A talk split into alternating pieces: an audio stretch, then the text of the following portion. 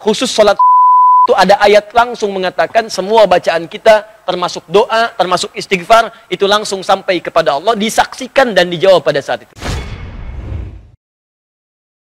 Quran surah 6 ayat 160. Man jaa bil hasanati falahu asyru amthaliha. Siapa yang mengerjakan satu kebaikan bernilai pahala, pahalanya 10 kali lipat. Di hadis Muslim 10 kali lipat itu bukan sekedar 1 2 3 4 10 di hadis muslim disebutkan Anda datang ke masjid saja. Ini baru tiba di masjid ya. Misal Anda belum sholat, belum bergabung ta'lim, baru nyampe masjid dengan niat ibadah. Itu sudah dapat 25 kebaikan.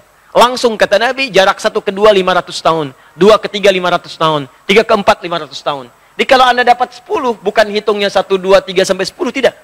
500 tahun, 500 tahun, 500 tahun, 500 tahun. Dan itu tidak mudah teman-teman sekalian. Ya, itu tidak mudah. Nah karena itu, saya kembalikan ke awal, Waktu subuh dengan asar itu malaikat mencatat. Catat, catat, catat dan itu dilaporkan langsung kepada Allah. Fasa'adu. Mereka naik kepada Allah menyampaikan. Kata Allah, sedang apa keadaan hambaku ketika kamu tinggalkan? Nah kalimat ini ingat, kalimat ini menunjukkan bahwa Allah maha tahu apa yang ingin dikerjakan oleh hamba, apa yang sudah dikerjakan dan sedang dikerjakan. Hanya ingin menunjukkan kepada kita bahwa malaikat tidak mungkin bermaksiat.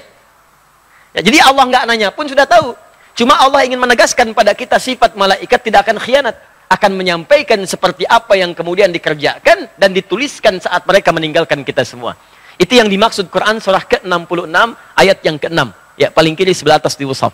Malaikat itu la ya'sunallaha ma amarahum wa yaf'aluna ma yu'marun. Jadi jangan berharap Anda bisa nyogok malaikat. Ya, malaikat saya mau tiduran dulu sampaikan pada Allah saya istirahat. Tidak bisa. Ya, jadi kalau malaikat sudah naik menyampaikan, disampaikan apa adanya. Maka kalau ada orang sholat, disampaikan, Ya Allah, saya tinggalkan hambamu, dia sedang khusyuk, kemudian sholat kepadamu. Ya Allah, saya tinggalkan hambamu, dia sedang khusyuk, tidur ya Allah. Ya, dalam tidurnya, dia meninggalkan sholat dan seterusnya. Makanya waktu pertengahan, subuh dengan asar, harap diperhatikan. Dan ada ulama yang menyebutkan subuh dengan asar itu, di antara doa-doa yang mustajab. Jadi begitu Anda berdoa, itu seketika nanti lebih mudah dijawab oleh Allah Subhanahu wa taala karena keadaannya langsung disampaikan kepada Allah. Ya, karena itu khusus salat subuh itu ada ayat langsung mengatakan semua bacaan kita termasuk doa, termasuk istighfar itu langsung sampai kepada Allah, disaksikan dan dijawab pada saat itu. Ya, di Quran surah ke-17. Ya, ayat ke-78. Ya, paling kiri sebelah atas. Quran surah 17 ayat ke-78 aqimis salata liduluki syamsi ila ghasaqil laili wa qur'anal fajri. Inna qur'anal fajri kana mashhuda. Ya tunaikan salat dengan benar. Dari mulai tergelincir matahari zuhur sampai matahari terbenam datang malam isya. Setelah itu Quran al-fajri khusus untuk salat subuh kata Allah. Perhatikan dalam subuh kata Allah bukan hanya salat yang penting tapi semua bacaannya Quran al-fajri semua bacaan di waktu subuh ya kana masyhuda langsung disaksikan oleh Allah dan semua malaikat. Jadi kalau Anda istighfar subuh ya, istighfar, makanya banyak sahabat Nabi yang saya sampaikan di awal-awal kemarin, ya pertemuan yang lalu, banyak sahabat Nabi termasuk Nabi mencontohkan ba'da subuh nggak langsung pulang. Ya duduk dulu, zikir dulu, zikir dulu bahkan sampai syuruk. Ya, ada yang berdoa, ada yang baca Quran, ada yang istighfar. Bahkan ada orang yang sebelum subuh sudah datang memenuhi masjid. Ya istighfar, istighfar, istighfar. E, waktu sebelum subuh itu disebut dalam bahasa Arab dengan sahar namanya. Sahar. Ya, jamaknya disebut dengan ashar. Kelihatan ini? Belum, belum saya tulis ya. Bagaimana bisa kelihatan? Imannya kuat banget tuh, belum ditulis udah kelihatan. Masya Allah. Sahar. Oh, jangan salah baca ya, bukan sihir, sahar. Nah, di bahasa Arab itu beda harakat, itu bisa beda baca. Jelas ya? Lihat sini. Sahar. Jami disebut dengan ashar. Ashar. Ini waktu singkat menjelang fajar. Di kalau misalnya fajar, sekarang subuhnya, misal saja, misal, 4.37, sekitar 15 sampai 30 menit sebelum fajar. Ya. Bisa dari jam 4.07 jam 4.15 itu disebut dengan waktu sahar namanya. Ini. Jamaknya disebut dengan ashar. Nah, dalam Al-Quran disebutkan ada kebiasaan penghuni surga itu yang sering istighfar di waktu sahar. Jadi kalau anda ingin lihat ahli surga yang sedang beraktivitas di bumi, di antaranya kata Quran, lihat nih orang-orang ini yang sedang istighfar sahar. Menjelang subuh. Dan setelah tahajud. Jadi orang ini tahajud, selesai tahajud dia zikir, astagfirullah, astagfirullah, astagfirullah. Ada zikirnya Nabi Yunus, la ilaha illa anta subhanaka inni zalimin. Ada zikirnya Nabi Adam, Rabbana zalamna anfusana wa illam taghfir lana wa tarhamna lanakunanna minal khasirin. Ya, ada zikirnya Nabi Muhammad sallallahu alaihi wasallam. Ya, astagfirullah, astagfirullah, astagfirullah. Allahumma antas salam, minka salam, tabarakta ya dzal jalali wal ikram. La ilaha illallah wa la syarika la. Lahul mulku wal hamdu wa huwa ala kulli syai'in qadir. Hadis Muslim nomor hadis 571 sampai 573. Di intinya istighfar. Astagfirullah, astagfirullah, astagfirullah. Itu diabadikan di Quran di dua surah, di dua ayat berbeda. Satu Quran surah ke-51 ayat 18. Paling kanan pertengahan di mushaf. Nah, ini disebut ahli surga yang tinggalnya di surga spesial, di taman surga. Itu kebiasaannya di bumi sering istighfar di waktu sahar. Wabil asharihum yastaghfirun. Menjelang fajar mereka banyak istighfar kepada Allah.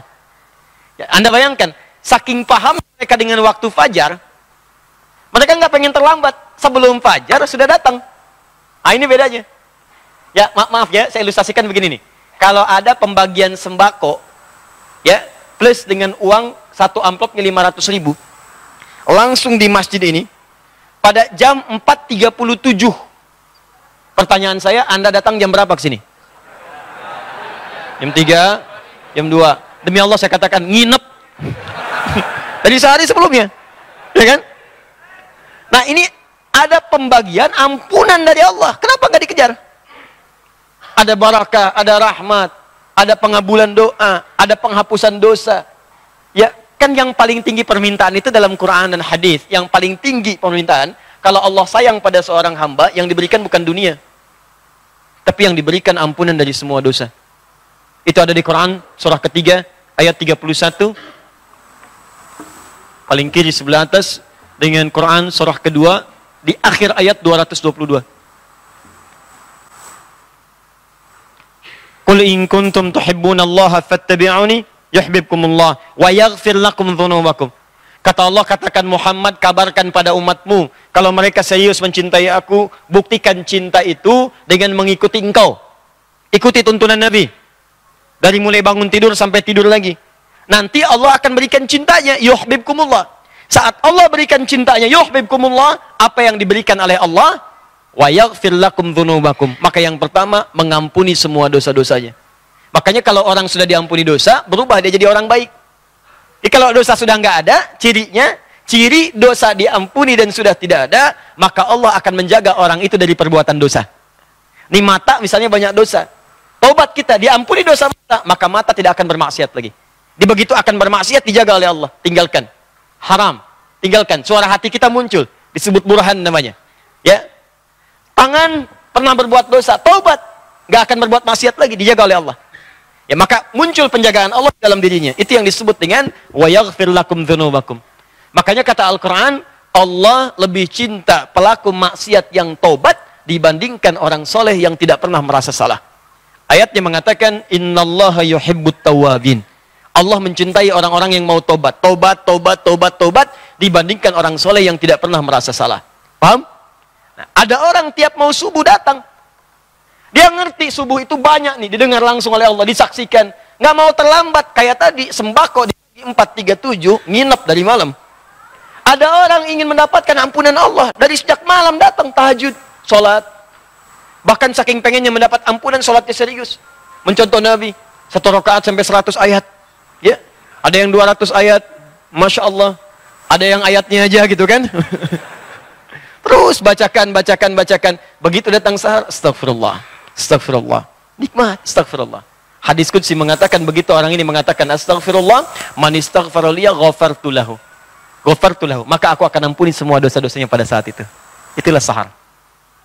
Ya, Makanya orang ini akan digabungkan dengan orang sabar, kemudian orang yang jujur, orang yang khusyuk dalam salat, orang yang rajin infak, digabungkan dengan empat golongan ini akan mendapat surga yang terbaik saat di akhirat.